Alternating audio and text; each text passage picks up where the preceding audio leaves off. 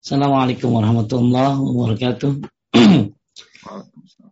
Alhamdulillah nahmaduhu wa nasta'inuhu wa nastaghfiruh wa na'udzu billahi min shururi anfusina wa min sayyiati a'malina. May yahdihillahu fala mudilla wa may yudlil fala hadiya. Asyhadu an la ilaha illallah wahdahu la syarika lahu wa asyhadu anna Muhammadan 'abduhu wa rasuluh. Allahumma salli ala Muhammad wa ala Muhammad kama sallaita ala Ibrahim wa ala ali Ibrahim innaka Hamidum Majid.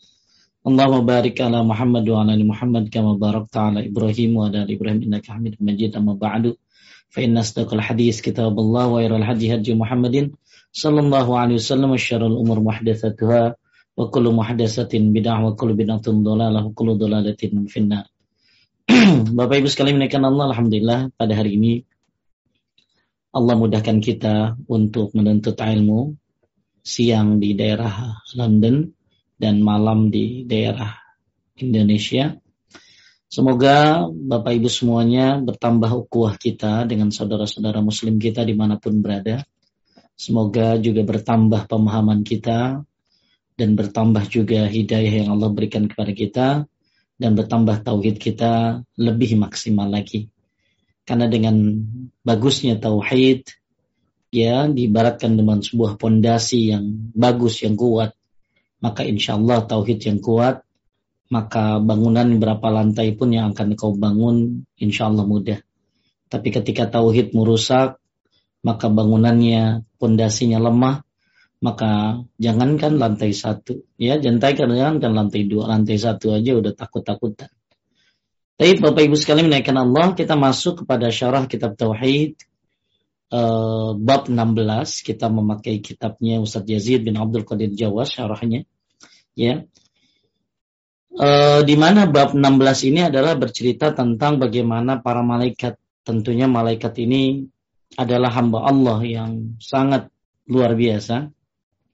Saya akan coba compare dengan uh, pembahasan uh, malaikat yang ada di kitab tauhidnya Ustadz Firanda yang saya rasa saling melengkapi dan bagus di mana para malaikat adalah makhluk Allah yang sangat taat kepada Allah, sangat kuat, ya, dan ternyata mereka pun memiliki rasa takut kepada Allah Subhanahu wa taala. Bahkan mereka ya adalah makhluk Allah yang hanya mentaati perintahnya saja. Bapak Ibu sekalian ini dimuliakan oleh Allah Subhanahu wa taala. Uh, kita akan masuk pada ayat yang pertama. Saya akan share screen.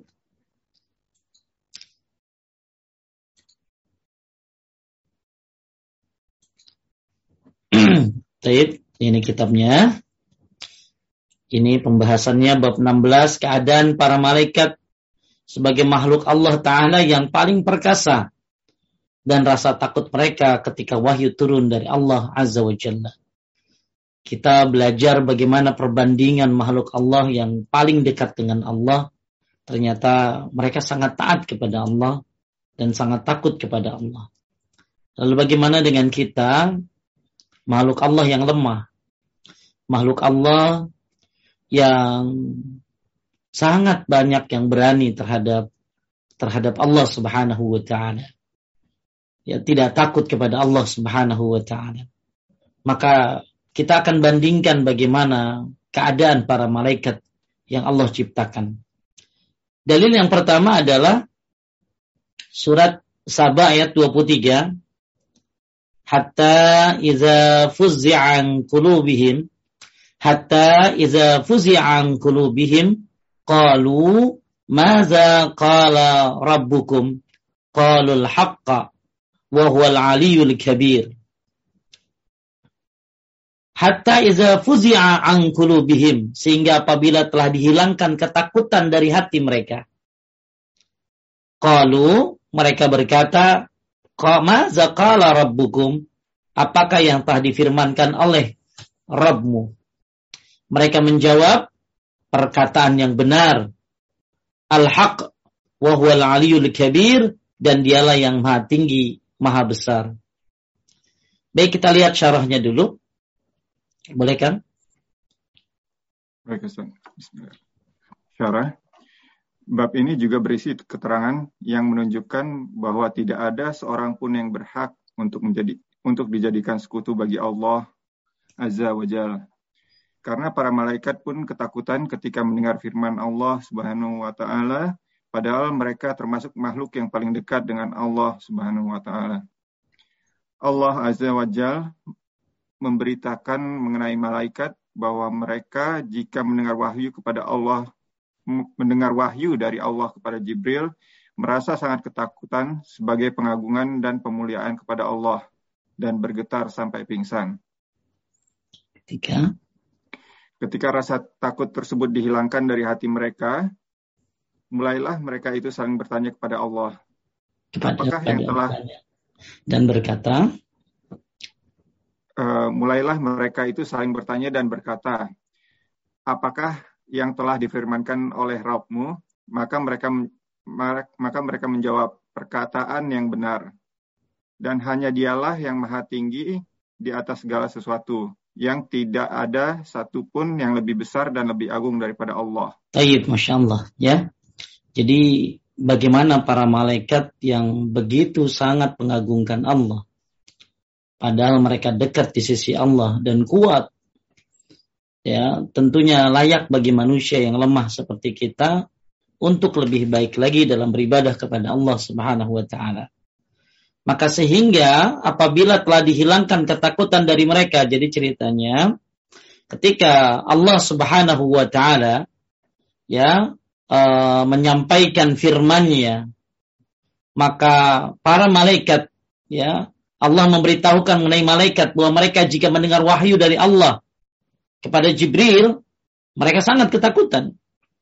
Para malaikat itu sangat ketakutan.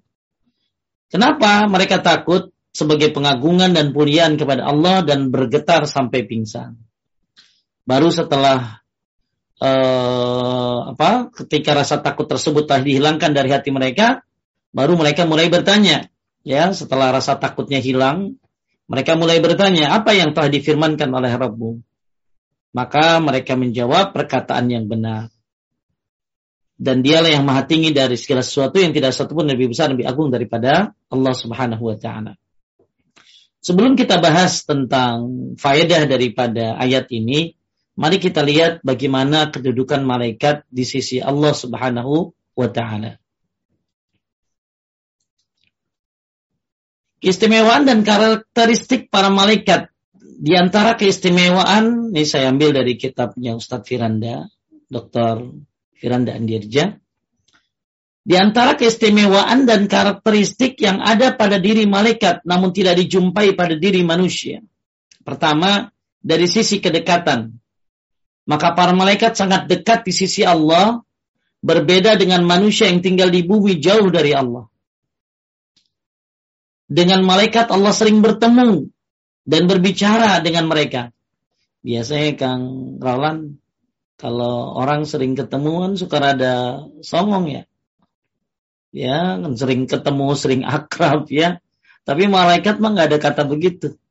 Nggak ada kata nggak sopan. Ya. Jadi bedanya kita dengan malaikat, ya, para malaikat ini dari sisi kedekatannya pertama. Sangat dekat dengan Allah subhanahu wa ta'ala. Ya berbeda dengan kita yang yang tinggal di bumi jauh. Bahkan malaikat itu sering bertemu dengan Allah Subhanahu wa taala. Ya dalam Quran surat Fusilat ayat 38 disebutkan ya artinya kan jika mereka jika mereka menyombongkan diri mereka, mereka maka mereka atau para malaikat yang di sisi Tuhanmu bertasbih kepadanya di malam dan siang hari, sedangkan mereka tidak jemu-jemu. Tuh, jadi kerjaan para malaikat ini, masya Allah ya, ya di sisi Allah itu ngapain kang bertasbih? Malam dan siang hari, dan mereka tidak jemu-jemu, nggak ada malaikat bosen, ya bosen, nggak ada malaikat kena putur, malaikat kena malaikat kena putur, nggak ada malaikat kena putur. Kalau kita mau kenanya sering banget kadang balik lagi, kadang impas. Ya. Maka masyarul ini rahimani rahimakumullah.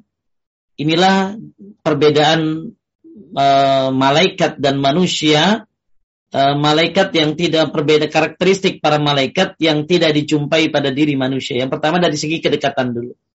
Dan malaikat ini sangat dekat dengan Allah Subhanahu wa taala bahkan siang malam bertasbih dan mereka tidak pernah jemu-jemu untuk beribadah kepada Allah Subhanahu wa taala. Kemudian yang kedua, dari sisi ibadah. Dari sisi ibadah. Malaikat jauh melampaui manusia. Para malaikat beribadah kepada Allah siang malam tanpa henti, tanpa dihinggapi rasa lelah, serta rasa bosan. Berbeda dengan manusia yang sangat mudah dihinggapi kebosanan. Allah Subhanahu wa taala berfirman, yusabbihuna al-laila wan nahar la yaf la yafturun. Mereka selalu bertasbih malam dan siang tiada letihnya. Ini yang kedua. Yang pertama tadi dari sisi kedekatan. Mereka dekat dengan Allah Subhanahu wa taala. Kemudian yang kedua, ayatnya juga bisa masuk surat Fusilat ayat 38, Al-Anbiya ayat 20. Dari segi ibadah, mereka sangat-sangat rajin dan tidak pernah bosan berbeda dengan manusia. Yang ketiga, dari sisi kesalehan. Para malaikat tidak pernah bermaksiat kepada Allah dan selalu taat. Makanya ini dijadikan dalil untuk sekarang malaikat lebih baik daripada manusia. Kenapa Kang? Karena kan kalau manusia sekarang berbuat dosa, ya. Tapi nanti kalau udah masuk surga, maka manusia lebih baik daripada malah malaikat. Kalau sekarang, ya bagusan malaikat sama kita tuh. Kenapa? Udah deket, udah soleh, kemudian malaikat ini nggak ada dosanya. Makanya ada yang bertanya, bagusan mana malaikat sama manusia? Untuk sekarang ya bagusan malaikat. Karena kita penuh dosa. Tapi nanti ketika kita masuk ke dalam surga, maka bagusan kita. Karena kita, karena malaikat memang diciptakan untuk itu.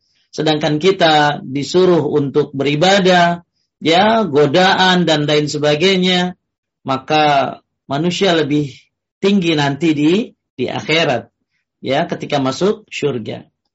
Nah, di poin ketiga, hal yang lebih malaikat daripada manusia adalah bahwa para malaikat ini tidak bermaksiat kepada Allah Subhanahu wa taala. Artinya kan? Artinya, hai orang-orang yang beriman, peliharalah dirimu dan keluargamu dari api neraka yang bahan bakarnya adalah manusia dan batu. Penjaganya malaikat-malaikat yang kasar, keras, dan tidak menurhakai Allah terhadap apa yang diperintahkannya kepada mereka dan selalu mengerjakan apa yang diperintahkannya. Ya, la ya'sunallaha ma la ya'sunallaha ma amarahum wa yaf'aluna ma yu'marun. Mereka tidak mendurhakai Allah. Mereka nggak bikin dosa dan uh, dan selalu mengerjakan apa wa yaf'alun ma yu'marun dan selalu mengerjakan apa yang diperintahkan. Ini poin yang ketiga, berbeda dengan manusia yang terlalu sering membangkang dan melanggar perintah Allah Subhanahu wa taala. Yang keempat, dari sisi fisik. Pertama, malaikat diciptakan lebih dahulu dibandingkan manusia. Ya, sebagaimana Sabda Rasulullah sallallahu alaihi wasallam, "Khuliqatil malaikatu min nur, wa jan min marj min nar, wa adam mimma wusifa lakum." Malaikat diciptakan dari cahaya, jin diciptakan dari api, dan Adam diciptakan sebagaimana telah dijelaskan kepada kalian. Malaikat tidak makan dan tidak minum. Meskipun demikian, energi mereka tidak pernah habis.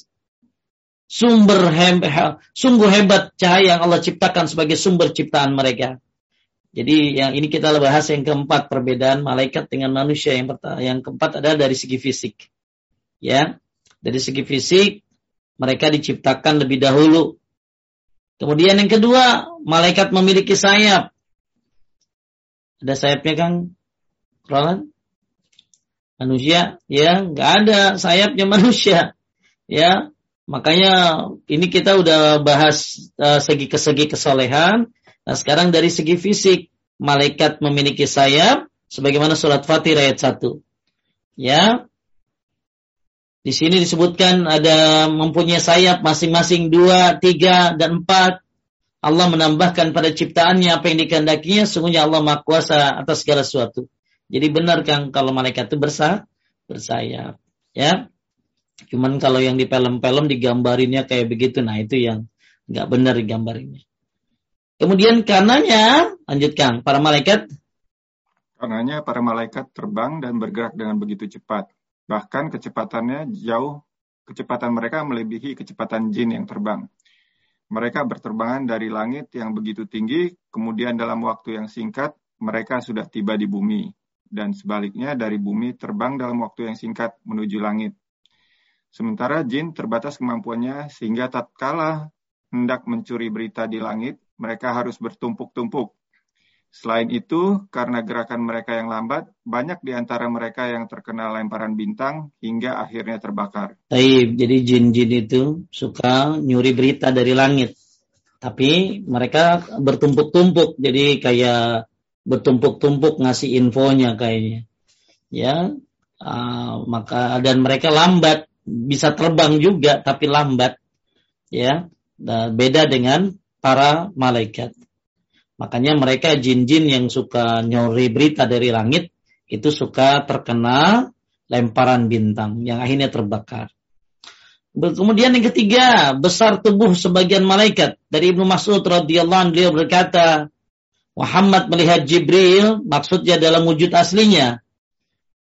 Lahu sittu mi'ati janahin qad saddal ufuk ia memiliki 600 sayap yang menutupi langit. Masya Allah. Ini Jibril nih kan. Jibril itu sayapnya ada 600 nutupin langit. Begitu besarnya Jibril. Sayapnya ada 600 nih. Dan menutupi langit. Tapi Jibril ya menangis karena takut terhadap neraka. Segitu gedenya kan. Segitu gedenya Jibril takut terhadap neraka kita segitu letih, lemah, lesu. Waduh, berani banget. Ya, sampai ada yang nantangin nggak apa-apa masuk neraka. Ya, nauzubillahi min zalik. Ya, nggak apa-apa nanti neraka bareng-bareng sama artis, sama apa, ya. Ya, maksudnya orang-orang yang yang berdosa, ya. Maksudnya uh, para dengan para para pendosa nggak apa-apa bikin konser di sana lah. Dikira apinya kayak api dunia apa? Ini betapa besarnya tubuh Jibril alaihissalam. Nabi bersabda, lanjutkan, tadi izinkan. Telah diizinkan kepadaku untuk menceritakan tentang satu malaikat dari malaikat-malaikat Allah yang memiliki yang memikul ars. Sesungguhnya antara daun telinganya daun telinga hingga pundaknya jarak perjalanan 700 tahun. Tuh, Kang. Jadi Allah itu Allah kan di arsh. Ya, dan arsy Allah itu dibawa oleh uh, malaikat ya. Uh, yang jumlahnya delapan kan malaikatnya jumlahnya berapa? Delapan. Nah malaikat yang delapan itu ya satunya malaikat satunya satunya aja itu jarak pundaknya ke telinganya itu jarak 700 tahun perjalanan. Kayak apa? Ya anda jalan-jalan 700 tahun sampai mana itu pundaknya malaikat dari telinga sampai pundaknya. Jaraknya ya, jarak telinga sampai pundaknya. Nah ini malaikat pemangku arsh yang disebutkan di surat Al-Haqqah ya. Wa yahmilu arsya fawqahum samaniyah ya. Wa yahmilu rabbika fawqahum yawma idzin samaniyah. Yang mengangkat arsy Allah ada delapan malaikat dan satu malaikat. Baca dalam tafsir Ibnu Katsir juga disebutkan satu malaikat itu jaraknya seperti itu dari pundak ke telinganya. Kemudian dari segi kekuatan, kalau tadi dari segi besar tubuhnya.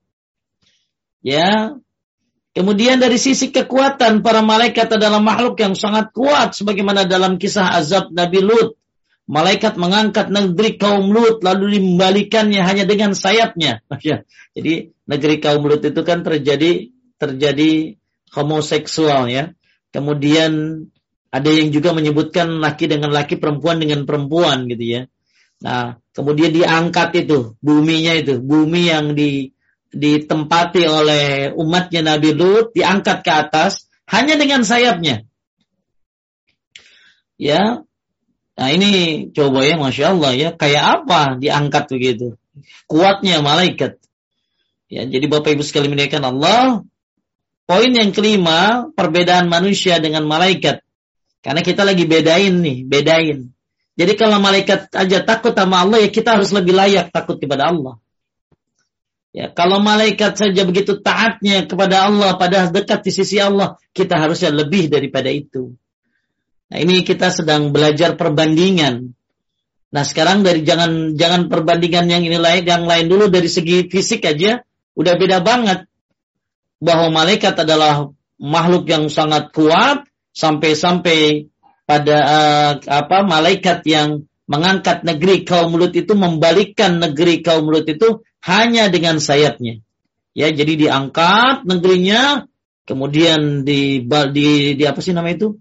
Dilemparin ya, dibalikin uh, hanya dengan sayapnya. Demikian juga malaikat gunung yang pernah mendatangi Nabi dan menawarkan untuk mengangkat dua gunung. Ya kan Nabi pernah waktu di mana? Di Taif. Ya, di Taif di apa dilempar batu sama anak-anak. Ya, maka malaikat datang menawarkan untuk mengangkat dua gunung lalu ditimpakan kepada kaum musyrikin. Akan tetapi Nabi menolak hal tersebut. Bersamaan lanjutkan. Bersamaan dengan kehebatan-kehebatan dan keagungan-keagungan yang dimiliki malaikat, mereka tetap takut kepada Allah sehingga mereka tidak boleh disembah. Tuh, jadi malaikat nggak boleh disembah. Emang ada Pak Ustadz yang nyembah malaikat? Ya ada. Ya, ada yang nyembah malaikat. Ya. Jadi segitu hebatnya, segitu besarnya malaikat, sebegitu kuatnya, tetap mereka takut kepada Allah sehingga mereka tidak boleh disembah para malaikat ini. Sungguh tersesat kaum musyrikin yang menyembah para malaikat. Mereka menganggap malaikat adalah anak-anak perempuan Allah. Tuh, jadi orang kafir itu, orang musyrikin zaman dulu itu menganggap para malaikat itu anak perempuan Allah. Ya, sebagaimana dalam surat Al-Isra ya ayat 40. Ini ayatnya terbalik. Coba artinya dulu, Kang. Maka apakah patut Tuhan memilihkan bagimu? Sebentar. Lanjut. Maka apakah patut Tuhan memilihkan bagimu anak-anak laki-laki, sedangkan dia sendiri mengambil anak-anak perempuan di antara para malaikat? Sesungguhnya kamu benar-benar mengucapkan kata-kata yang besar dosanya. Baik. Jadi, latakuluna qawlan azima. Jadi, wattakhza minal malaikati inasa. Jadi mereka menganggap bahwa bahwa para malaikat ini adalah anak-anak perempuan. Ya, mereka menganggap malaikat ini adalah anak-anak perempuan Allah. Dan ini suatu perkataan yang besar dosanya. Kemudian ada lagi wa qalu tahazallahu walada subhanah ballahu ma fis samawati wal ard lahu qanitun. Mereka orang-orang kafir berkata Allah mempunyai anak. Maha Allah bahwasanya apa yang ada di langit dan bumi adalah punyaan Allah semua tunduk kepadanya. Taib. Uh, selanjutnya di antara faedah yang bisa diambil, nah ini nanti kita masuk kepada hadisnya.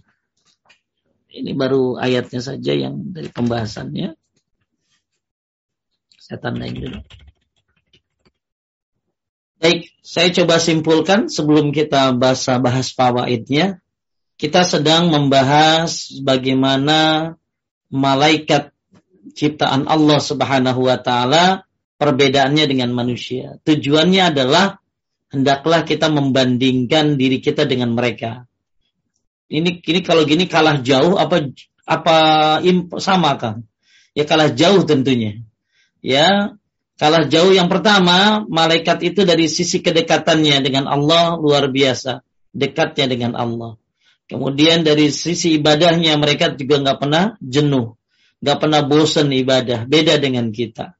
Ya ya kita ada kalanya waktu semangat ada kalanya waktu jenuh. Para malaikat nggak ada bosenan.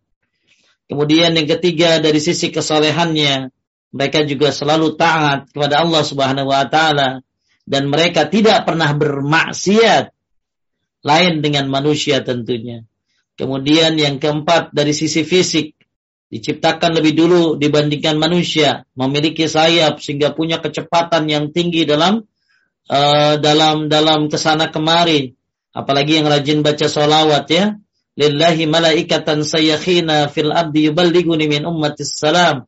Allah itu memiliki malaikat yang tugasnya mengambil salawat yang kita baca lalu disampaikan kepada Nabi Muhammad sallallahu alaihi wasallam. Itu ada malaikat khusus yang ngambil salawat kita lalu disampaikan kepada Nabi Muhammad sallallahu alaihi wasallam. Ya kecepatannya cuma sedikit aja ya. Ya ke London ya cuma berapa detik. Ya orang uh, begitu cepatnya para malaikat. Kemudian uh, besar tubuhnya tadi ya. Jadi kalau memang kita lihat karakteristik malaikat ini, mereka ini uh, apa? Begitu takutnya kepada Allah, padahal udah bentuknya gede, dekat sama Allah, rajin ibadah. Nah, kita tentunya yang lebih lemah dan jauh tentunya dari mereka, harusnya lebih taat kepada Allah Subhanahu wa taala. Bahkan besar tubuhnya tadi sudah dibahas, ya Jibril ada 600 sayapnya. Kemudian juga uh, malaikat yang ngangkut arsnya Allah yang jumlahnya 8 itu dari pundak ke telinganya saja jaraknya 700 tahun. Belum lagi dari sisi kekuatan betapa luar biasanya ciptaan Allah yang bernama malaikat ini. Akan tetapi kembali lagi kepada pembahasan kita, sehebat-hebatnya malaikat, sekuat-kuatnya malaikat, sesoleh-solehnya malaikat, maka dia tidak boleh disembah.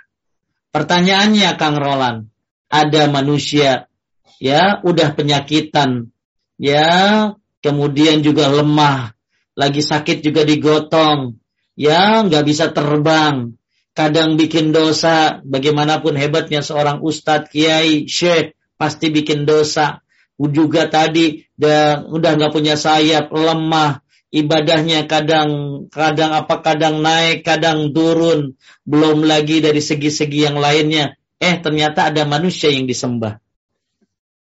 Ada yang manusia dipintai gitu, bayangin nih. Jadi ini coba perbandingannya simpel banget ya. Ya, jadi kita kemarin kan bahasnya itu kan wah banyak ayat-ayat hadis-hadis tentang tauhid, tentang syirik ya. Nah sekarang kita coba bandingin gitu loh. Jadi kalau malaikat yang begitu kuat, ya begitu cepat, begitu taat, tidak pernah maksiat saja tidak boleh disembah. Gimana dengan manusia? Kenapa kamu nyembah manusia? Orang nyembah Allah aja, nyembah malaikat aja gak boleh. Kenapa kamu minta kepada manusia? Orang minta sama malaikat aja kagak boleh. Padahal malaikat begitu dekatnya dengan Allah. Ya. Jadi perbandingannya gini. Nabi Isa disembah karena katanya nggak punya bapak, betul kan? Padahal kalau memang begitu, ya Nabi Adam yang lebih layak dong. Karena Adam nggak punya bapak, nggak punya ibu. Nabi Isa masih punya ibu. Nah, itu perbandingan. Ketika manusia membandingkan dirinya dengan malaikat, bagaimana hebatnya tadi kita bahas malaikat. Begitu kuatnya, begitu saktinya, begitu dekatnya dengan Allah, no maksiat. Ya, apalagi Jibril alaihissalam pimpinan para malaikat yang sayapnya ada 600 menutupi langit. Bisa dengan cepatnya terbang ke sana kemari. Kuat mereka. Tapi nggak berhak disembah mereka. Yang berhak disembah adalah yang maha kuat. Yaitu Allah subhanahu wa ta'ala. Betapa kita lihat ada manusia-manusia yang menyembah kuburan.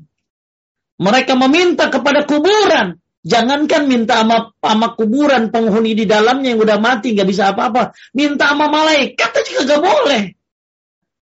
Jadi kalau minta sama malaikat aja nggak boleh, apalagi minta sama yang lemah, letih, lesu, letoy. Ya, maka Bapak Ibu sekalian dimuliakan Allah, nggak akan bisa Allah dikalahkan dengan siapa pun. Sampai nggak kalau memang nggak boleh nyembah, nggak boleh nyembah mal, nggak boleh nyembah malaikat, nyembah nabi aja kagak boleh. Minta sama nabi aja nggak boleh. Bahkan kemarin sudah kita bahas di bab 15 kan. Nabi nggak bisa menyelamatkan Fatimah. Nggak bisa menyelamatkan bibinya, pamannya. Ya, kita sudah bahas kemarin itu bagaimana Kita disuruh beramal, beramal dan beramal, bertauhid. Bahkan jangan bergantung kepada siapa pun. Karena ada Kang. Kemarin saya ketemu sama orang. Dia bergantung sama anaknya. Dijarin gue mau geblok bapaknya anak gue soleh yang penting. Jangan begitu. Ya. Dan ada orang begitu tuh. Ya gue mau geblok dah. Ya bapak kagak bener dah. Gue mau udah hancur dah hidup gue. Tapi do lihat Gus anak gua tuh, anak gua soleh-soleh. Lah, ente ngandelin anak gitu nanti di akhirat. Sedangkan ya di dalam surat At-Tur ayat 20 disuruh bapaknya justru yang soleh, baru anaknya ngikutin. Bukan anaknya soleh, bapaknya ngikutin. Ya. Jadi Bapak Ibu sekalian menaikkan Allah, perbandingkanlah diri kita dengan para malaikat. Wahai orang-orang yang mempercayai bahwa penghuni kubur bisa mem, bisa mengabulkan permintaanmu. Itu yang ada di kuburan bukan malaikat pasti kan? Ya nggak ada kuburan malaikat ya. Pasti yang di kuburan itu manusia. Ya banyak beredar video-video mereka mengagungkan mayat di kuburan. Mereka berzikir di kuburan mereka melakukan banyak ibadah di kuburan. Padahal Nabi Shallallahu Alaihi Wasallam menyuruh orang baca Quran, ya ibadah yaitu di rumah. Salat sunnah paling bagus di rumah. Sampai baca Quran pun paling bagus di rumah. La taj'al buyutakum kubura. Jangan jadikan rumah kalian seperti kuburan. Maksudnya di kuburan tuh sepi. Berarti rumah jangan sepi kayak kuburan. Akhirnya, kenapa banyak orang yang ramai di kuburan, ibadah di kuburan, sampai-sampai meminta, Agisna, Agisna, Agisna, tolong kami, tolong kami. Minta sama kuburan, padahal minta sama malaikat aja yang begitu perkasa, yang begitu kuat, yang begitu yang begitu cepat terbangnya, yang begitu besar, yang begitu hebat ibadahnya, nggak boleh. Apalagi sama manusia yang letih lesu letoy. Tapi kita lihat faedahnya. Satu. Lanjutkan. Faedahnya. Yang pertama, bantahan terhadap seluruh kelompok orang bantahan terhadap seluruh kelompok orang musyrik yang mempersekutukan Allah dengan mah, dengan makhluk yang tidak sebanding dengan para malaikat. Karena malaikat tidak berhak untuk diibadahi. Jadi zaman dulu ada yang nyembah malaikat ya Kang ya. Hmm. Tapi kalau dipikir-pikir semuanya salah. Tapi kalau dipikir-pikir masih mending mana Kang? Nyembah yang mati itu manusia apa nyembah malaikat? Kan nggak benar dua-duanya. Tapi kalau dipikir-pikir, yang normal yang mana tuh? Yang zaman dulu berarti kan? Ya orang musyrik zaman dulu menganggap malaikat sebagai sesembahan. Bahkan mereka menganggap malaikat sebagai anak perempuan Allah. Ya, sedangkan orang sekarang ada yang menyembah orang yang sudah mati yang berbentuk manusia. Maksudnya gini loh, berarti sirik zaman now lebih parah daripada dulu. Sirik zaman now, sirik zaman sekarang lebih berbahaya daripada zaman dulu. Kalau zaman dulu, ya, mereka nyembah malaikat. Karena dianggap kuat, dianggap perkasa, dianggap dekat sama Allah sampai dibilang anak perempuan Allah. Ya salah sih Kang, tapi masih levelnya masih tinggi. Karena menyembah yang hebat, yang sakti, yang dekat dengan Allah, walaupun salah gitu loh. Tapi manusia zaman sekarang, nyembahnya bukan malaikat, nyembahnya manusia juga, mintanya sama manusia juga, padahal letaknya jauh kualitasnya. Dua-duanya salah, tapi kesalahannya lebih fatal yang paling yang sekarang. Contoh, orang dulu disebutkan mereka itu begitu lagi susah kan ingat Allah. Begitu lagi susah mereka bertauhid. Begitu mereka naik apa kapal laut, kapalnya pengen goyang, pengen tenggelam, mereka bertauhid kepada Allah. Begitu sampai daratan mereka syirik lagi. Jadi kalau zaman dulu orangnya lagi susah bertauhid sama Allah, begitu lagi senang syirik lagi. Nah katanya sekarang Mau senang, mau susah ya sirik aja terus gitu. ya, kalau zaman dulu lagi susahnya tauhid, lagi senangnya bersyirik mereka. orang-orang musyrik itu. Tapi zaman sekarang katanya lagi senang ya syirik, lagi susah juga menyekutukan Allah. Maka hati-hati keadaan syirik zaman now sekarang ini. Katanya lebih parah dari zaman dulu. Maka penting terus ya kajian-kajian tauhid ditingkatkan. Baik, jadi ini bantahan yang pertama bahwa tidak ada yang sebanding dengan malaikat. Gak ada manusia yang bisa mengalahkan malaikat. Ya. Tapi sehebat-hebatnya malaikat, mereka tidak berhak untuk diibadahi. Lanjut nomor dua. Uh, yang kedua, penetapan sifat kalam atau perkataan bagi Allah Azza wa Jal sesuai dengan ke, sesuai dengan kebesarannya. Baik, lanjut ketiga. Yang ketiga, pensucian perkataan-perkataan Allah dari kebatilan. Baik, yang keempat. Yang keempat, bahwa kalamullah atau perkataan Allah bukan makhluk. Karena para malaikat itu berkata, apakah yang telah difirmankan oleh Robmu bukan berkata apa yang telah diciptakan oleh Robmu? Ya kan ada aliran, yang ada aliran yang anggap Quran itu makhluk. Mungkin berapa tahun yang lalu saya diceritain ada orang, kakak saya, Pak Ustadz kata dia tuh orang tuh. Ikut aliran yang mengatakan Quran itu makhluk yang mengatakan Quran itu makhluk. Nah, ketika Allah berfirman kan para malaikat itu pada ketakutan tuh. Ya, ketika Allah berfirman kan para malaikat itu pada ketakutan tuh. Terus setelah ketakutan mereka diangkat oleh Allah, mereka berkata apa yang telah difirmankan oleh Rabbmu. Tuh. Berarti malaikat bila mengakui bahwa Al-Quran itu bahwa firman al bahwa yang namanya Al-Quran itu adalah firman Allah bukan makhluk. Dan malaikat nggak ngomong gini, apa yang dah diciptakan oleh Rabbmu gitu.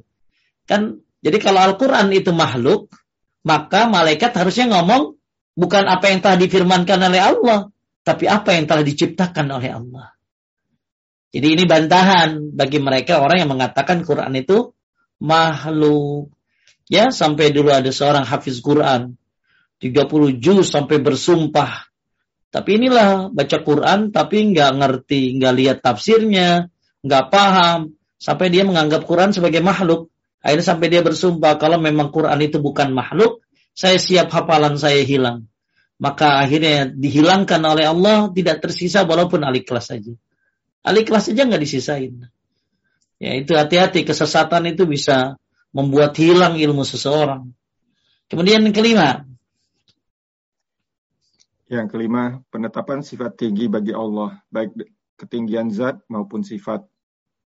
Keenam. Yang keenam, penetapan dua nama Allah, yaitu Al-Ali, yang Al -Ali atau yang maha tinggi dan Al-Kabir. Ya, kan tadi di sini dihilangin. Ya wahwal aliyul kabir. Dan dialah yang aliyu aliyu yang maha tinggi.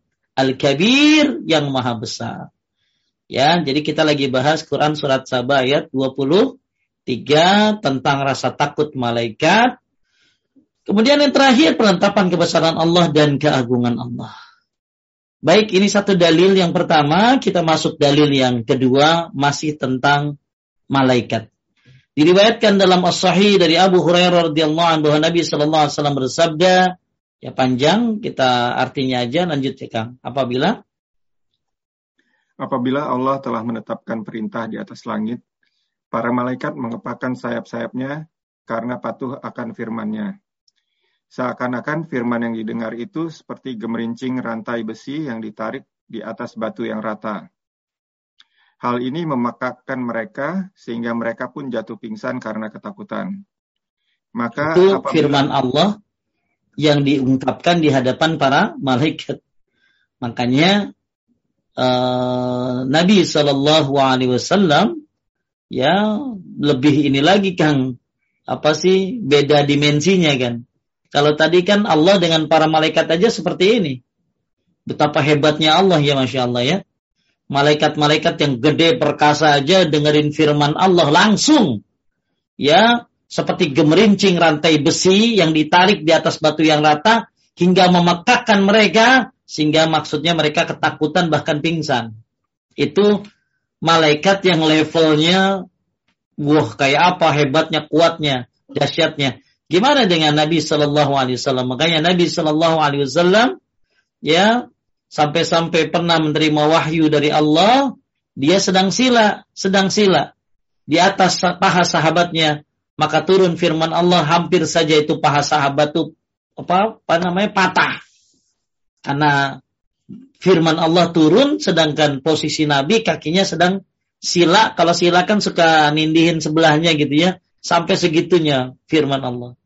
Makanya uh, uh, itu melalui perantara siapa Kang Jib? Jibril. Itu melalui perantara Jibril.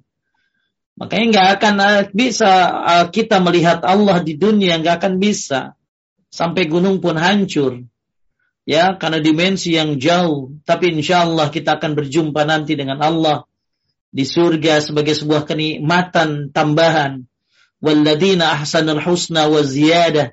Dan orang-orang yang berbuat kebaikan akan ada tambahan. Tambahannya apa? Melihat wajah Allah Subhanahu wa taala. Di dunia tidak akan mungkin. Di akhirat nanti semuanya akan mungkin.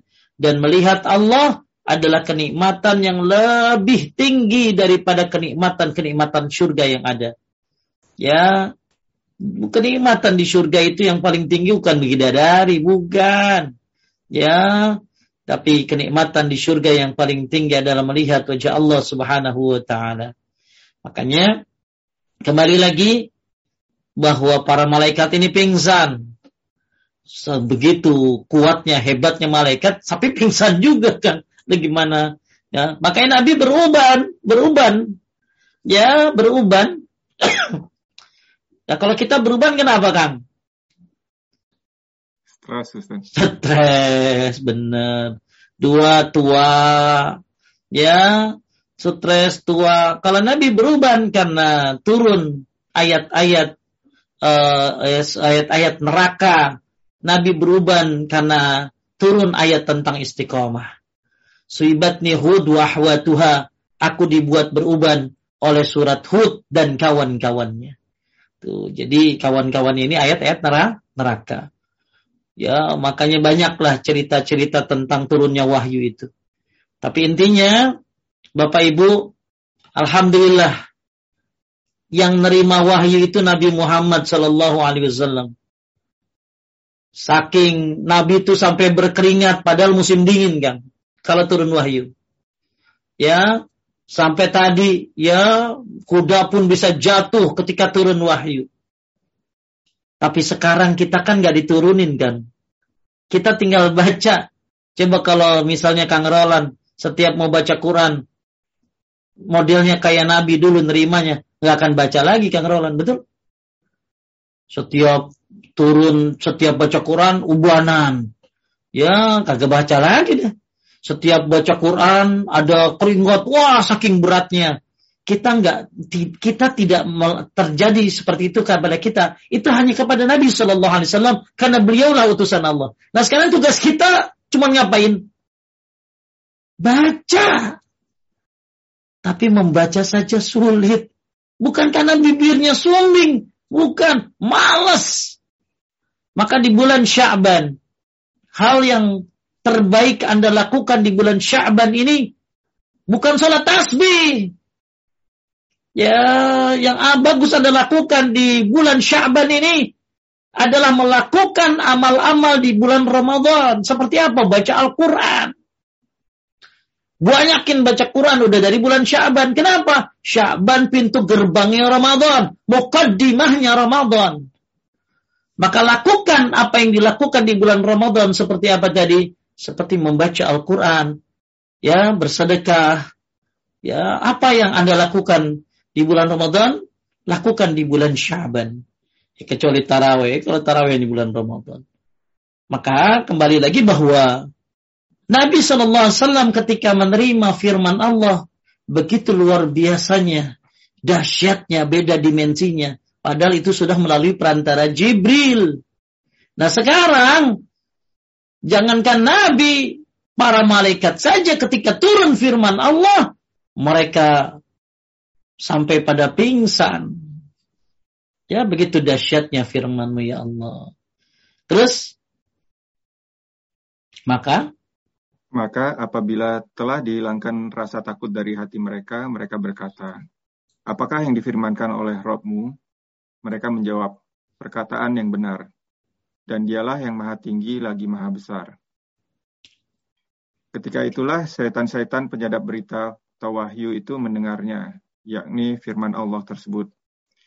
Keadaan penyadap berita itu adalah seperti ini. Sebagian mereka di atas sebagian yang lain, digambarkan oleh Sufyan dengan telapak tangannya, dengan direnggangkan dan dibuka jemarinya. Jadi Maka gini kan, jadi mereka tuh nggak bisa ke atas, jadi kayak berantai gitu ya. Jadi ini, jadi posisi mereka tuh ini ini kayak tangan begini tuh. Jadi nggak ada, kan tadi udah dibilang malaikat lebih cepat dari mereka. Sedangkan mereka untuk untuk mencuri berita itu harus harus kerja keras mereka tuh ya.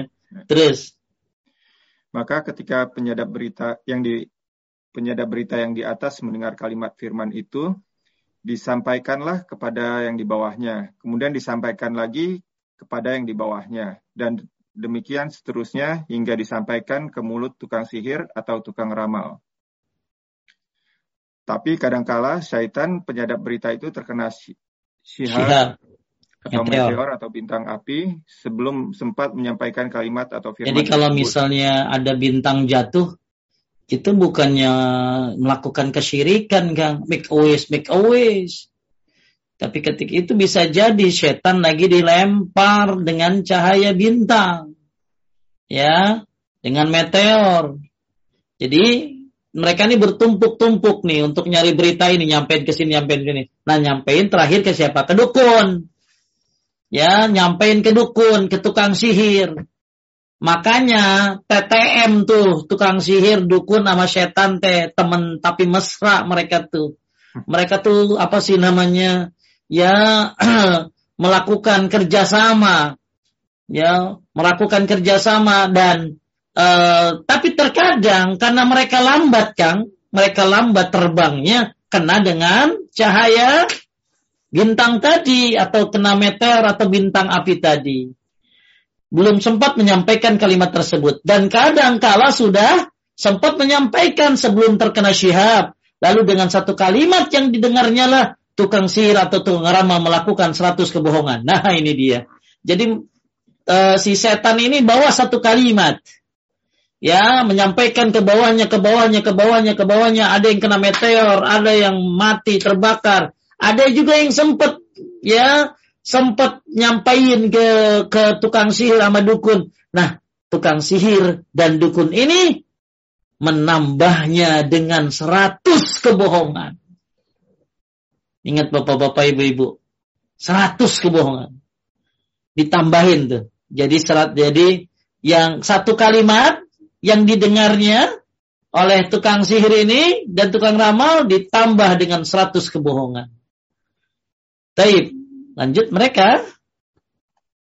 Mereka yang mendatangi tukang sihir atau tukang ramal mengatakan, Bukankah dia telah memberitahu kita bahwa pada hari begini akan terjadi begini dan dan itu benar terjadi. Sehingga dipercayalah tukang sihir dan tukang ramal tersebut karena satu kalimat yang telah didengar dari langit. Padahal ditambah dengan berapa tadi? 100 kebohongan. 100 kebohongan. Ya, syarah Rasulullah Sallallahu Alaihi Wasallam mengabarkan tentang pengagungan malaikat terhadap kalamullah, ketakutan yang menimpa mereka, dan saling bertanya tentang apa yang telah dikatakan oleh Allah Azza wa Jalla, serta jawaban sebagian mereka terhadap sebagian yang lain. Juga tentang apa yang diketahui oleh syaitan yang mencuri dengar berita malaikat ketika itu untuk disampaikan pada tukang sihir dan dukun dari kalangan manusia. Setelah apa yang dialami oleh syaitan berupa lemparan-lemparan syihab ketika itu, dan bahwasanya terkadang memungkinkan bagi syaitan untuk menyampaikan kalimat yang dia dengar dari malaikat kepada tukang sihir atau dukun. Karena suatu hikmah yang hanya Allah saja mengetahuinya. Ya, jadi nggak usah nanya begini. Kok kok bisa ya Pak Ustaz? saya juga nggak tahu gitu loh. Ya, kok bisa sih setan nyolong berita gitu? Nah, hadisnya ngomong begitu. Ya, hadisnya ngomong begitu.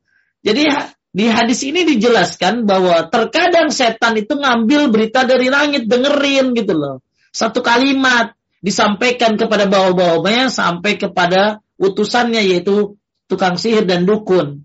Dan Anda nggak usah tanya sama saya, kok bisa ya Pak Ustaz? tahu gitu loh.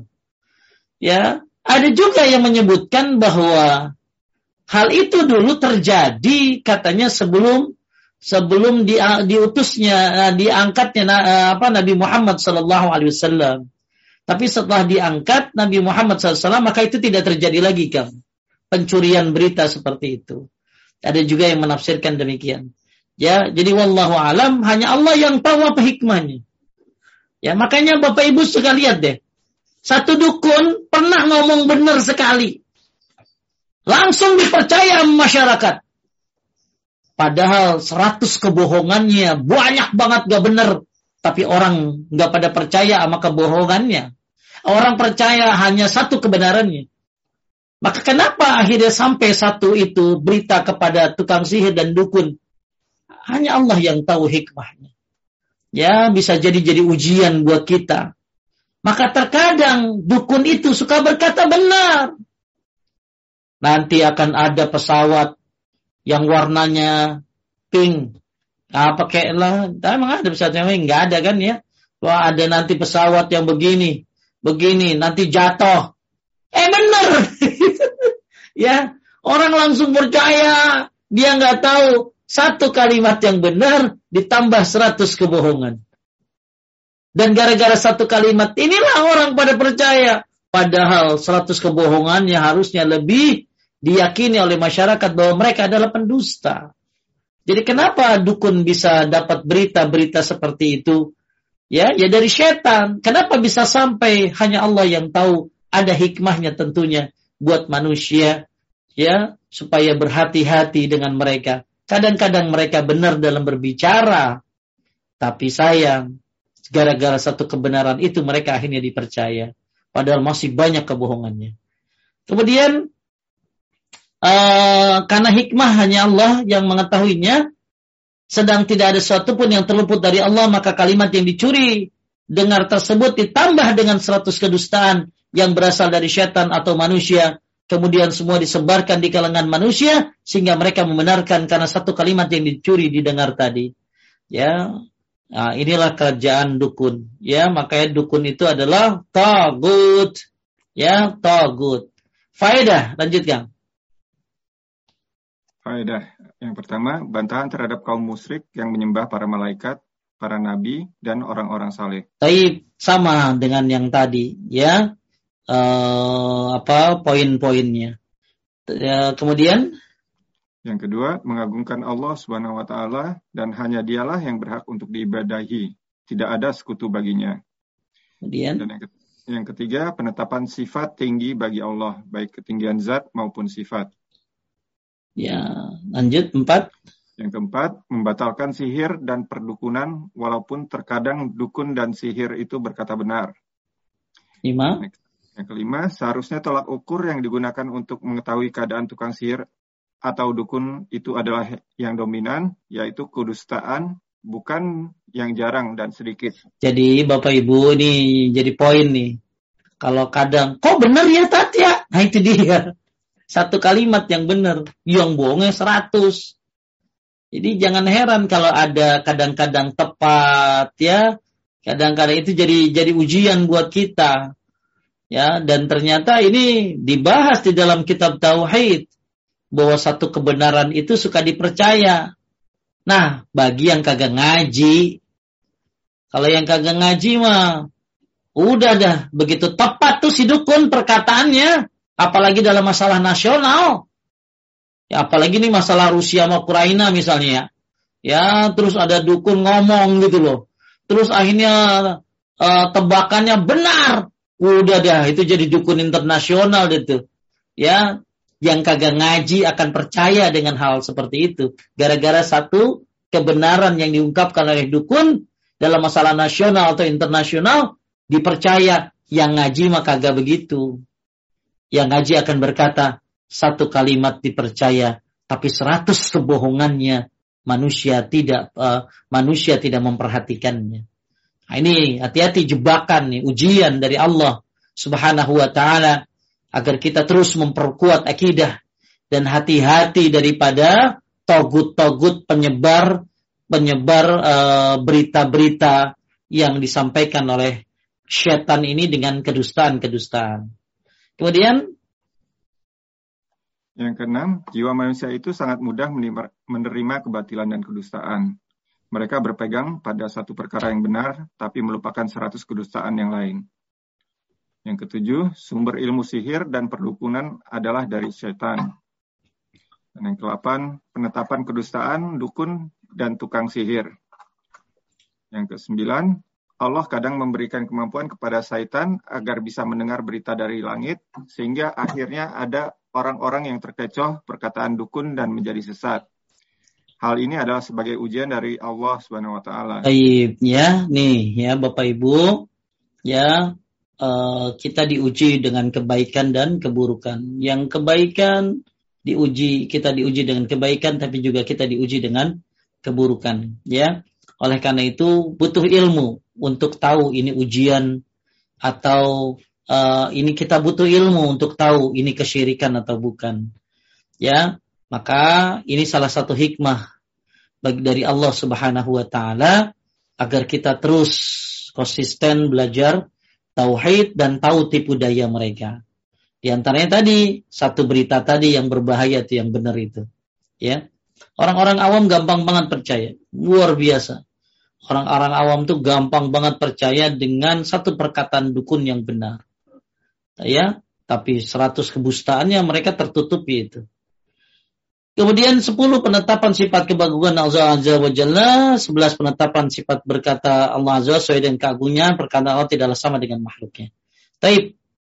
Inilah faedah dari uh, had, uh, dalil yang kedua. Tanggung kita bahas dalil yang ketiga, selesai kalau nggak salah.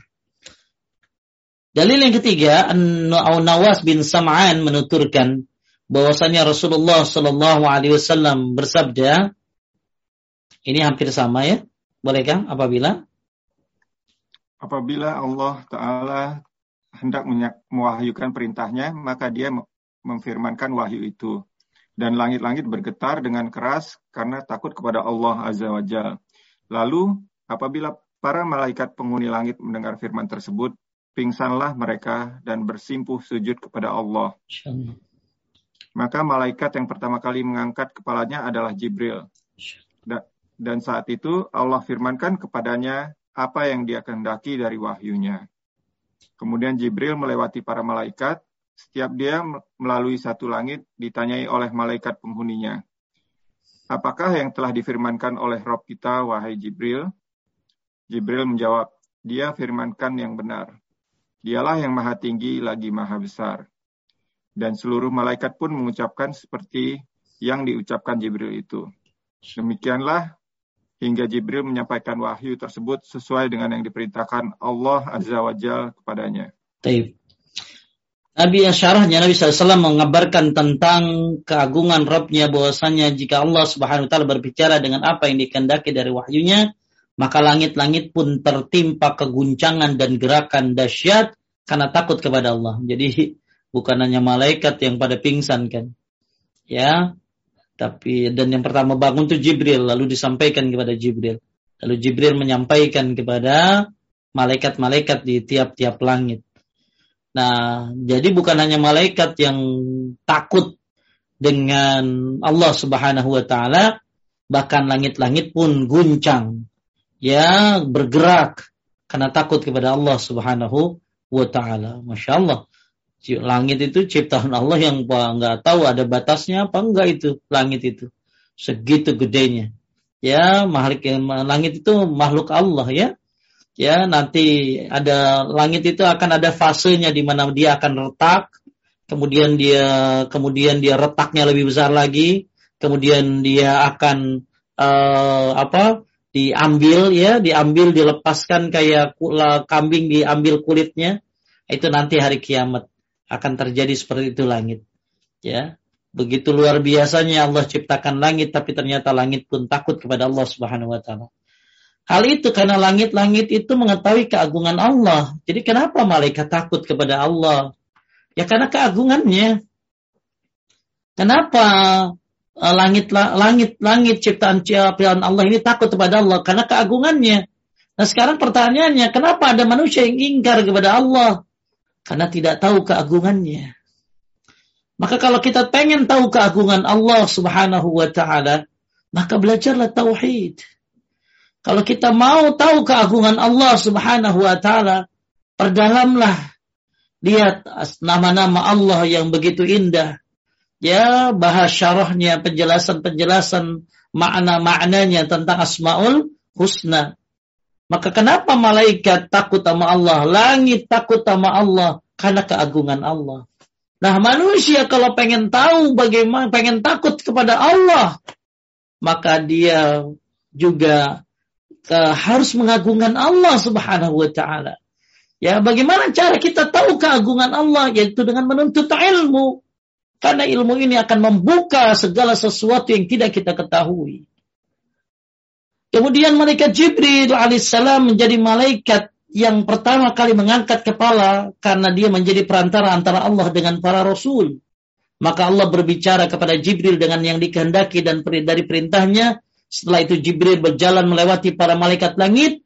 Maka mereka bertanya kepada Jibril tentang apa yang telah dikatakan oleh Allah. Kemudian malaikat Jibril alaihissalam menjawab dengan ucapannya, dia firmankan yang benar, dialah yang maha tinggi dan maha besar, maka mereka para malaikat mengucapkan seperti yang diucapkan oleh Jibril. Setelah itu Jibril alaihissalam berjalan dengan membawa wahyu untuk disampaikan kepada orang yang dikehendaki oleh Allah subhanahu wa ta'ala. Faedah bantahan terhadap kaum musyrikin yang menyekutukan Allah dengan sembahan yang lain dari kalangan makhluk. Sama. Ya, sehebat-hebatnya Jibril nggak boleh disembah. Ya, sehebat-hebatnya ciptaan Allah nggak boleh disembah. Apalagi manusia tentunya ya. Kemudian penjelasan mengenai keagungan Allah dan hanya Allah yang pantas untuk dibadai satu-satunya. Kemudian penetapan bahwa Allah berbicara kapan saja dia kehendaki dengan apa yang dikehendaki dengan cara yang dia kehendaki. Kemudian keempat penetapan ketinggian Allah di atas para makhluknya. Kemudian keutamaan Jibril alaihi salam. Ya, kita coba lihat bahasan fawaid yang disampaikan oleh uh, Ustadz Piranda. Ini banyak dia nih ngituin ya. Nah, dia sampaikan dulu dalilnya. Nah, ini penjelasannya hampir sama, tapi ada ada apa? Ada tambahan-tambahannya, tapi kurang lebih sama, ya, kurang lebih sama.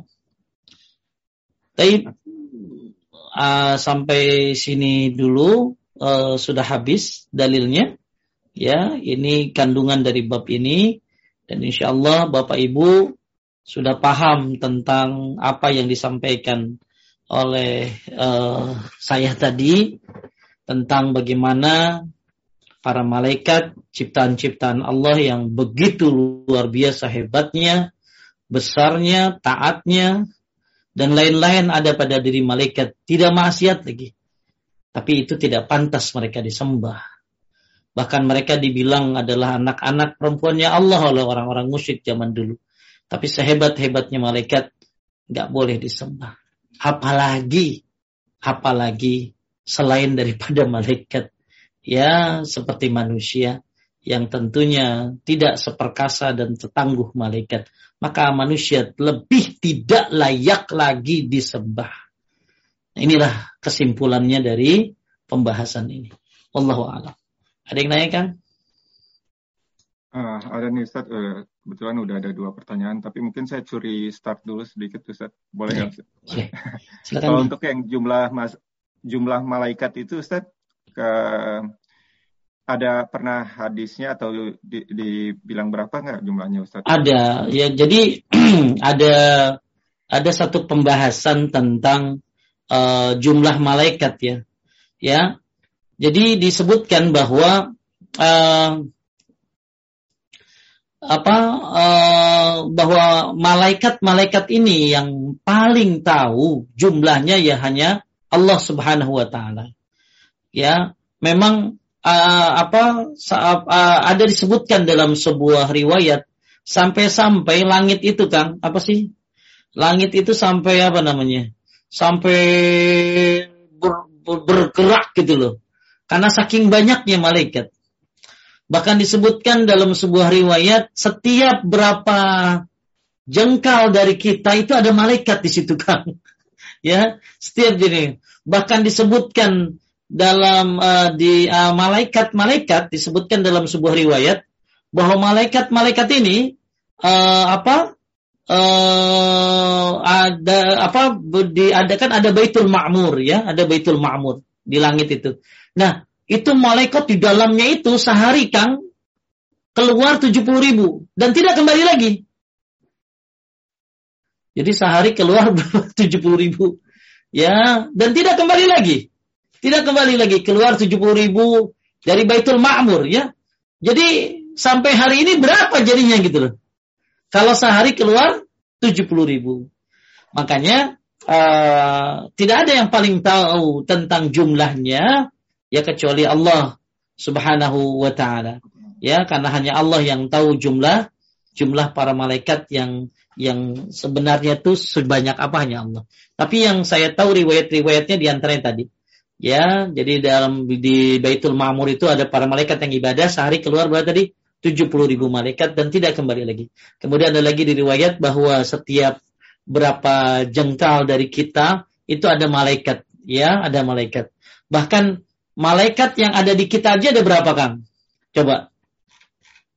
Malaikat yang ada di kita satu, ada empat malaikat yang menyertai manusia. Ada empat, Kang, malaikat yang menyertai manusia.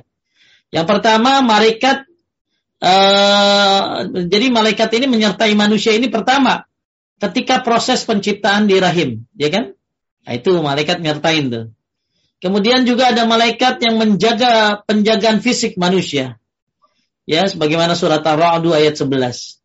Kemudian ada lagi uh, malaikat yang uh, pencatat amal perbuatan manusia. Tuh ada malaikat pencatat perbuatan uh, manusia, manusia sebagaimana surat Al-Anfitar ya. Wa inna alaikum lahafidin kiraman katibin ya'lamuna ma taf'alun. Kemudian yang terakhir ya ada malaikat uh, apa ya oh dia, apa malaikat uh, yang uh, itu malaikat yang sebelah kanan mencatat kebaikan tadi ya. Jadi kurang lebih uh, jadi kalau disimpulkan malaikat yang menyertai manusia setelah dia dilahirkan ada empat. Dua malaikat penjaga fisik manusia dan dua malaikat pencatat amal manusia. Ya, jadi setelah lahir kita dijaga oleh empat malaikat. Dua malaikat penjaga fisik, kita dua malaikat pencatat amal. Nah, ini penjelasannya panjang sekali. Ya, bahkan malaikat-malaikat ini suka doain kita kan. Malaikat ini suka doain manusia. Ya makanya masya Allah ya malaikat itu baik, suka doain manusia. Siapa yang suka didoain malaikat? Ayo, ada yang tahu? Orang yang tidur dalam keadaan berwudu, tuh didoain malaikat tuh. Ya, malaikat bilang apa? Allah magfir li fulan fa innahu bata tahiran. Ya Allah ampuni dosa orang ini karena dia tidur dalam keadaan berwudu. Tuh malaikat baik bu, suka doain manusia tuh. Ya, kalau ibu tidur sebelum tidur ngapain wudu? Yang mampu silakan tuh. Yang kedua, orang yang duduk menunggu sholat tuh. Malaikat tuh suka doain orang yang sholat, ah, orang yang duduk nungguin sholat. Apa kata malaikat? Allah maghfirlahu, Allah marhamhu. Ya, ampuni dia, sayangi dia. Kemudian juga malaikat yang suka doain orang yang ada di sop terdepan. Tuh, bapak-bapak, ibu-ibu. Buat bapak-bapak khususnya, sop sholat. Ya, innallah malaikatu yusalluna ala sofil muqaddam. Allah dan para malaikat itu bersolawat kepada orang yang bersolawat apa sopnya di pertama. Kemudian ada riwayat lagi sopnya sebelah kanan kan. Ya, udah pertama ambil kanan lagi. Itu didoain malaikat tuh. Ya. Bahkan Allah dan para malaikat bersolawat kepada orang sop sebelah kanan. Ada lagi solawat malaikat, solawat malaikat, doa malaikat buat orang yang menyambung soft. Maka kalau sholat sambung soft. Kaki ketemu dengan kaki, mata kaki dengan mata kaki, pundak dengan pundak. Kenapa? Karena malaikat mendoakan. Ya, terus malaikat yang apa lagi tuh? Yang amin. Kalau ngucapin amin, nah itu kalau aminnya bertepatan dengan malaikat, diampuni dosa kita. Ya, banyak. Nah, nanti nih, banyak lagi nih Kang, nanti Ramadan nih. Malaikat berdoa buat orang yang makan sahur. Maka jangan sampai kagak sahur. Kenapa? Karena malaikat di saat itu mendoakan orang yang makan sahur. Ya, innallaha malaikatahu yusalluna ala mutasahhirin. Allah dan para malaikatnya uh, Bapak uh, bersolawat kepada orang yang makan sahur. Banyak ya kerjaan malaikat itu salah satunya adalah mendoakan manusia. Termasuk yang suka sedekah pagi, suka sedekah ya Kang ya? Suka sedekah ya, bukan sedekah subuh bukan. Pokoknya sedekah aja. Ya, setiap pagi itu malaikat ngomong Allah ma'ati munfikan khalafa wa amsik munfikan tadafa. Ganti orang yang sedekah, hancurkan orang yang pelit. Itu bukan dalil dalil sedekah subuh bukan. Intinya rajin-rajin sedekah intinya, ya. Banyak banget ya, itu kerjaan-kerjaan malaikat. Sampai saking banyaknya langit bergerak karena begitu apa, apa banyaknya malaikat. Lanjut. Uh, saya akan share screen untuk pertanyaan yang masuk ke kita, Ustaz. Ini untuk pertanyaan pertama, Ustaz. Ustaz, malaikat itu kan menjaga diri di kiri, di kiri dan kanan manusia. Lalu, lalu kalau kita berdoa setelah berdoa kepada Allah, misalnya, wahai malaikat, terjagakan hamba pada diri dini hari untuk sholat tahajud, ini boleh nggak Ustaz? Intanya bukan nama malaikat, nama Allah. Salah bisa. Jadi bentar. Malaikat itu kan memang uh, apa tadi menjaga ya. Menjaga yeah. di apa? Menjaga di di jadi ada malaikat di sebelah kanan mencatat kebaikan, sementara malaikat sebelah kiri mencatat keburukan. Namanya bukan rokib dan atid bukan. Rokib atid itu tugas, rokib itu dekat, atid itu selalu hadir. Di kita dinamain namanya rokib atid bukan. Terus Ada lagi uh, yang tadi saya bilang tentang malaikat yang disebutkan itu menjaga fisik manusia. Ini juga dua jumlahnya. Jadi yang nyatet kanan kiri satu-satu. Nah yang jagain kita ada dua. Sebagaimana surat Ar-Ra'd 2 ayat 11. Lahu mu'akibatu min baini yadayhi wa min khalfi yahfadunahu min amrillah. Bagi manusia ada malaikat-malaikat yang selalu mengikuti bergiliran di muka dan di belakangnya mereka menjaga atas perintah Allah. Tuh, di muka dan di belakang, Kang. Disebutkan di surat apa tadi? Ar-Ra'd ayat 11. Jadi uh, malaikat coba ituin Kang, bisa tampilin nggak Ar-Ra'd ayat 11? Sebentar, Ar-Ra'd ayat 11 ya.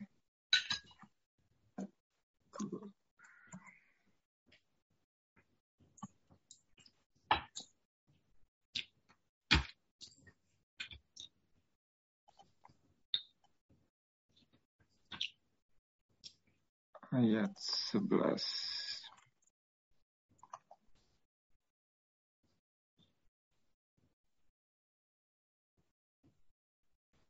Ini ya, Ustaz. Ya? Belum, ah, ini dia. Ya, betul. Lahu mu'akibatum min baini yadayhi wa min khalfi yahfazunahu min amrillah. Ya. Nah, ini artinya uh, mereka menjaganya uh, dari mana ini? Ma maaf ini yang ini mungkin ya, enaknya dari oh ini ya. Bagi manusia ada malaikat-malaikat yang selalu menjaganya bergiliran di depan dan belakangnya. Mereka menjaganya atas perintah Allah. Jadi ya, kata Ibnu Katsir, kata Ibnu Katsir, eh, setiap hamba ada malaikat yang apa gantian jaga di waktu malam dan waktu siang. Mereka menjaga manusia dari apa? Dari kejahatan dan kecelakaan. Sebagaimana ada malaikat lain yang menjaga amal manusia. Jadi ada dua malaikat yang jagain kita depan belakang. Bergantian setiap malam dan siang. Satu lagi yang amal kanan kiri. Pak Ustadz, kalau memang kita dijaga, kenapa ada kecelakaan? Kenapa ada yang ini, ada yang itu? Kan ibu-ibu nggak boleh lihat celah dikit kan ya ya ada celah dengan dia ya, sebelum Kang Roland nanya ya saya tanyain tuh saya ungkapin tuh jadi kalau memang ke itu kenapa kalau memang dijagain kok kenapa celaka begitu takdir Allah datang malaikat mempersilahkan takdir itu masuk jadi malaikat tuh jagain kita ya jagain coba kalau tidur nggak dijagain semut masuk kali kan ya kalau tidur nggak dijagain kayak apa itu ya maka ketika takdir Allah datang misalnya takdir Allah Anda harus uh, terluka saat ini jatuh maka dibiarkan oleh malaikat takdir dipersilahkan untuk masuk. Ya, kita maka kita disuruh berdoa, ya, disuruh zikir pagi sore, ya. Mudah-mudahan uh, perlindungannya jadi bertambah. Masya Allah, baiknya Allah ya. Allah kasih penjagaan kita. Uh, nah sekarang karena Anda dijaga, Anda jangan minta sama malaikat. Malaikat kan disuruh. Malaikat Ya, ingat bukan kanan kiri. Kalau kanan kiri amal. Ya, berarti yang tadi mana? Depan, belakang. ya, jadi jangan minta sama pak malaikat yang di depan, pak malaikat yang di belakang. Uh, tolong bangunin saya tahajud jangan nggak boleh begitu ya mintanya sama Allah malaikat itu begitu tuh karena disuruh sama Allah maka minta sama yang nyuruh Allah subhanahu wa taala ya lanjut Baik, Ustaz. Untuk pertanyaan berikutnya. Bismillah, Ustaz. Apakah ada hadis tentang manusia yang masuk neraka uh, bisa melihat Allah? Kan ada di dalam bukan uh, ada di dalam ada uh, sebentar Kang. Apakah ada hadis tentang manusia yang masuk neraka bisa melihat Allah? Ada riwayatnya begini, riwayatnya itu nanti itu Allah Subhanahu wa taala akan membawa kematian di antara surga dan neraka.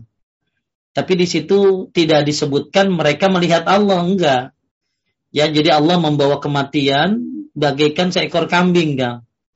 Kemudian penduduk surga ditanya, apakah engkau tahu ini apa? Enggak ada yang tahu dong. Penduduk neraka pun ditanya. Lalu dikasih tahu kalau ini adalah kematian. Kemudian disembelihlah kematian itu. Maka yang di surga abadi enggak mati-mati. Karena kematian udah enggak ada sudah disembelih. Nah, yang ada di neraka pun ya sama, nggak bisa mati mereka karena nggak ada kematian di surga dan di neraka karena kematian tuh sudah disembelih, ya diibaratkan dengan seekor kambing. Tapi masalah mereka di situ, eh, apakah mereka melihat Allah? Justru sebaliknya, Kang. Ya, itu tidak disebutkan melihat Allah di situ, tapi hanya disebutkan bahwa eh, kematian itu akan dibawa di situ. Bahkan disebutkan dalam Al-Quran, mereka itu akan mahjubun. Ya, mereka itu akan terhalang. Ya, terhalang dari apa? Dari melihat Allah Subhanahu wa taala. Itu penderitaan yang luar biasa kan. Sebagaimana kegembiraan yang luar biasa adalah ketika melihat Allah. Tapi penderitaan yang luar biasa adalah ketika mereka tidak melihat Allah. Ya, itu uh, setahu saya bahwa uh, tidak bisa di, uh, melihat mereka ya cuman yang tadi riwayatnya ada saya tahu tentang masalah kematian itu tapi tidak disebutkan bahwa uh, Allah apa para penduduk neraka melihat justru yang saya tahu justru para penduduk neraka mahjub mereka ter apa terhalangi dari melihat Allah Subhanahu wa taala. Ya ada sambil yang lain coba ada lagi? Ada sebentar ini akan di share lagi. Uh, pertanyaan berikutnya, Assalamualaikum Ustadz. Mengapa dalam Al-Quran iman kepada malaikat disebutkan terlebih dahulu daripada iman kepada Rasul? Apakah para malaikat lebih mulia daripada Rasul dan malaikat Jibril sangat menghormati Rasul Shallallahu Alaihi Wasallam? Baik, tolong didiamin aja dulu. Jadi Bapak Ibu sekalian yang muliakan Allah, mengapa dalam Al-Quran iman kepada malaikat sebenarnya kan malaikat diciptakan terlebih dahulu.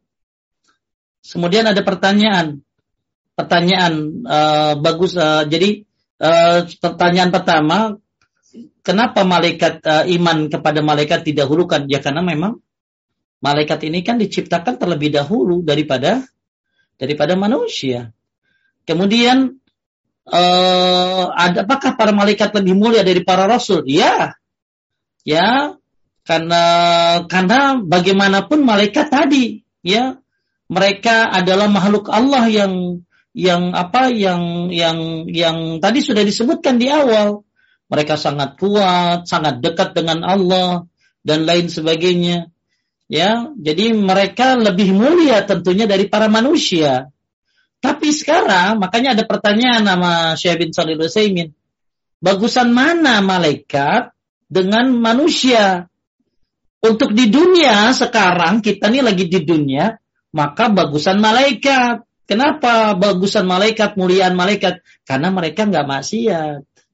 Tapi nanti ketika kita masuk surga, ya, ketika masuk surga manusia, maka manusia lebih mulia. Kenapa? Karena manusia masuk surga dengan kasih sayang Allah, dengan amal yang mereka lakukan juga.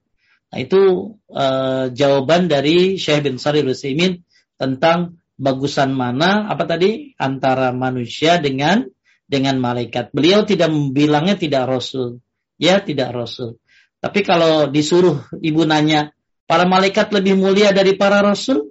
Ya, saya tidak tahu, tapi yang saya tahu malaikat itu kedudukannya sangat tinggi di hadapan Allah Subhanahu wa taala. Ya, rasul juga tinggi, akan tetapi rasul bagaimanapun adalah manusia biasa, manusia biasa. Jadi lebih baik gak usah dibanding-bandingin sih, ya, gak usah dibanding-bandingin dengan rasul. Lebih baik bandinginnya malaikat dengan manu, manusia, ya. Itu aja. Tapi kalau di pertanyaannya apa apa malaikat? Jadi kalau rukun iman ya kan kamu malaikat lebih dulu diciptakan. Ya, tapi kalau ditanya apakah malaikat lebih mulia dari rasul? Ya, kalau pertanyaannya apakah malaikat lebih mulia dari manusia? Untuk sekarang malaikat lebih mulia. Tapi kalau nanti Anda masuk surga, Anda bisa lebih mulia dari malah malaikat. Ya, jadi kalau mungkin kalau kalau itu perbandingannya dengan manusia, kalau dengan Rasul saya nggak tahu ya. Lanjut.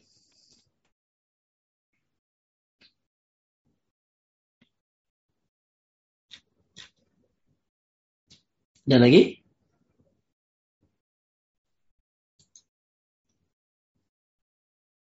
Maaf Ustaz, tadi masih mute. Assalamualaikum Ustaz. Izin bertanya. Saya pernah Oh ya tadi Kang apa? Saya ada yang tertinggal tentang jawaban uh, apa uh, tadi apa uh, manusia uh, tidak uh, orang orang ini yang neraka ya. Ya di dalam uh, apakah orang yang di neraka bisa melihat apa tadi?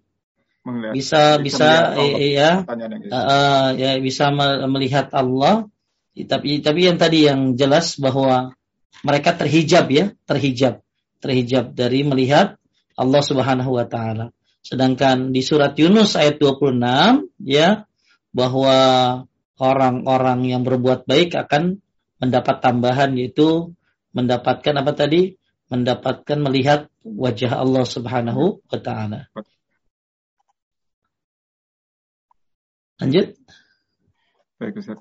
Uh, untuk pertanyaan berikutnya ini Ustaz. Assalamualaikum Ustaz, izin bertanya. Saya pernah mendengar ada salawat untuk malaikat Jibril dibaca satu kali dalam sehari. Nggak ada salawat Jibril. Nggak ada salawat Jibril. Yang ada salawat yang diajarkan oleh Nabi Shallallahu Alaihi Wasallam.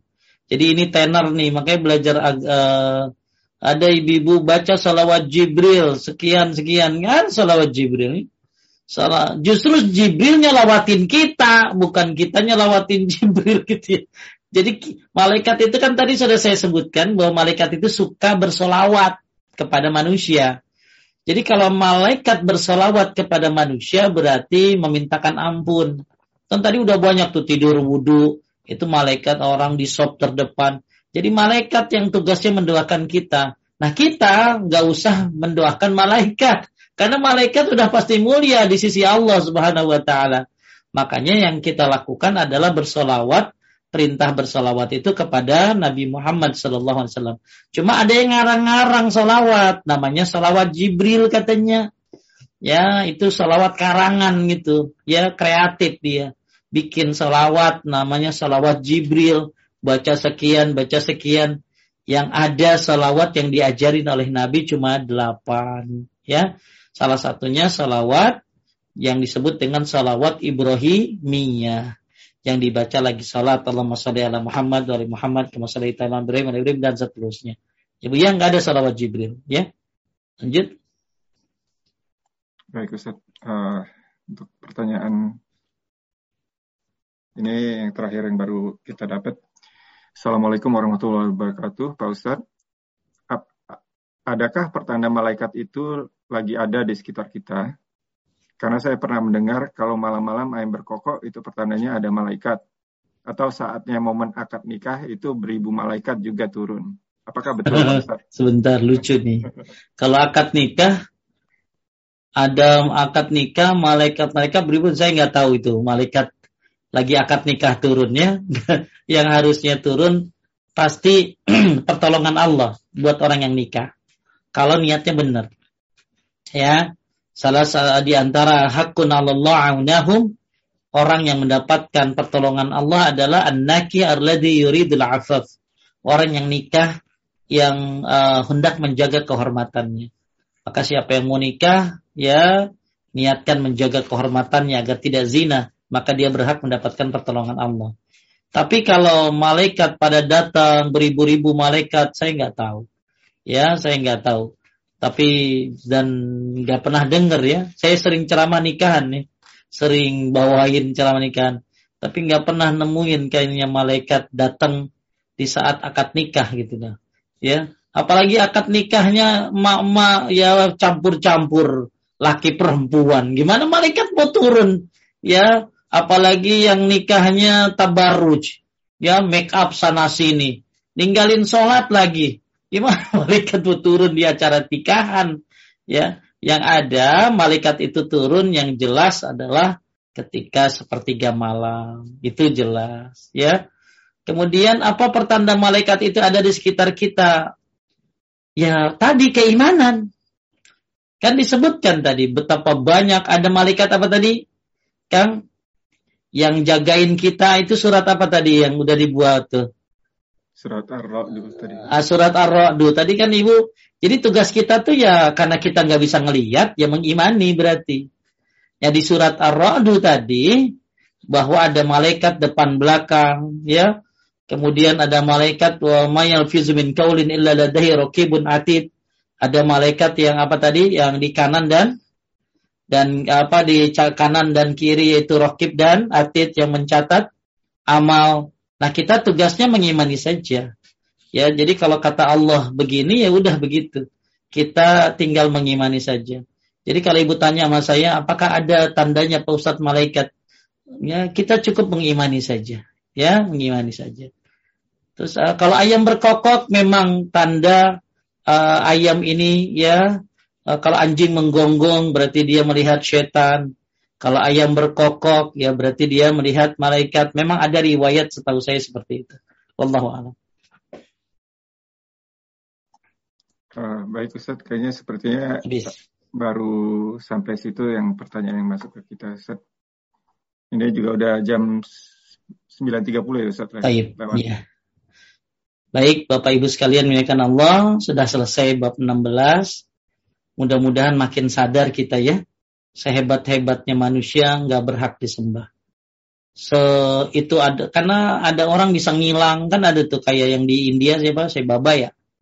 Ya, tuh bisa ini, bisa itu, ya akhirnya sampai-sampai kayak orang di dianggapnya katanya dia sebagai apa jadi orang itu sehebat-hebatnya manusia, nggak ada yang bisa ngalahin malaikat. Ya, sehebat-hebatnya manusia, dia bisa terbang, bisa ngilang, bisa apa, nggak ada yang bisa ngalahin malaikat. Dan sehebat-hebat malaikat, mereka adalah hamba Allah, tidak berhak disembah. Jadi Bapak Ibu, mudah-mudahan makin kuat tauhid kita, bahwa memang hanya Allah lah yang berhak disembah sampai malaikat aja tidak berhak untuk disembah padahal begitu kuat dan perkasanya. Itu saja yang bisa saya sampaikan. Mudah-mudahan Allah mudahkan kita untuk bisa istiqomah di atas tauhid, istiqomah di atas sunnah Nabi Sallallahu Alaihi Wasallam. Allah mahtim lana min husyatika ma tahulu bihi bainana wa baina ma'asik wa min ta'atika ma tuballighuna bihi jannatak wa min al-yakin ma tuhawinu alaina masa'ib dunya. Allah mematti'ana bi asma'ina wa absarina wa quwwatina ma wa jalul warisa minna wajal sa'arana ala man dhalamana wansurna ala man adana. Uh, kita tutup dengan doa kibaratul majlis. Subhanaka Allahumma wa bihamdika asyhadu an la ilaha illa anta astaghfiruka wa atubu ilaik. Assalamualaikum warahmatullahi wabarakatuh. Waalaikumsalam warahmatullahi wabarakatuh. Jazakallah khair Ustaz, Alhamdulillahirrahmanirrahim. Terima kasih atas waktu dan ilmunya. Semoga kajian kali ini bermanfaat bagi kita semua. Dan untuk menyimak kajian kali ini dan kajian-kajian sebelumnya, silahkan kunjungi channel YouTube kami di channel Paduka underscore UK. Kami dari panitia uh, kajian kali ini, mohon maaf jika ada kekurangan kesalahan. Barakallahu fikum. Assalamualaikum warahmatullahi wabarakatuh. Warahmatullahi wabarakatuh.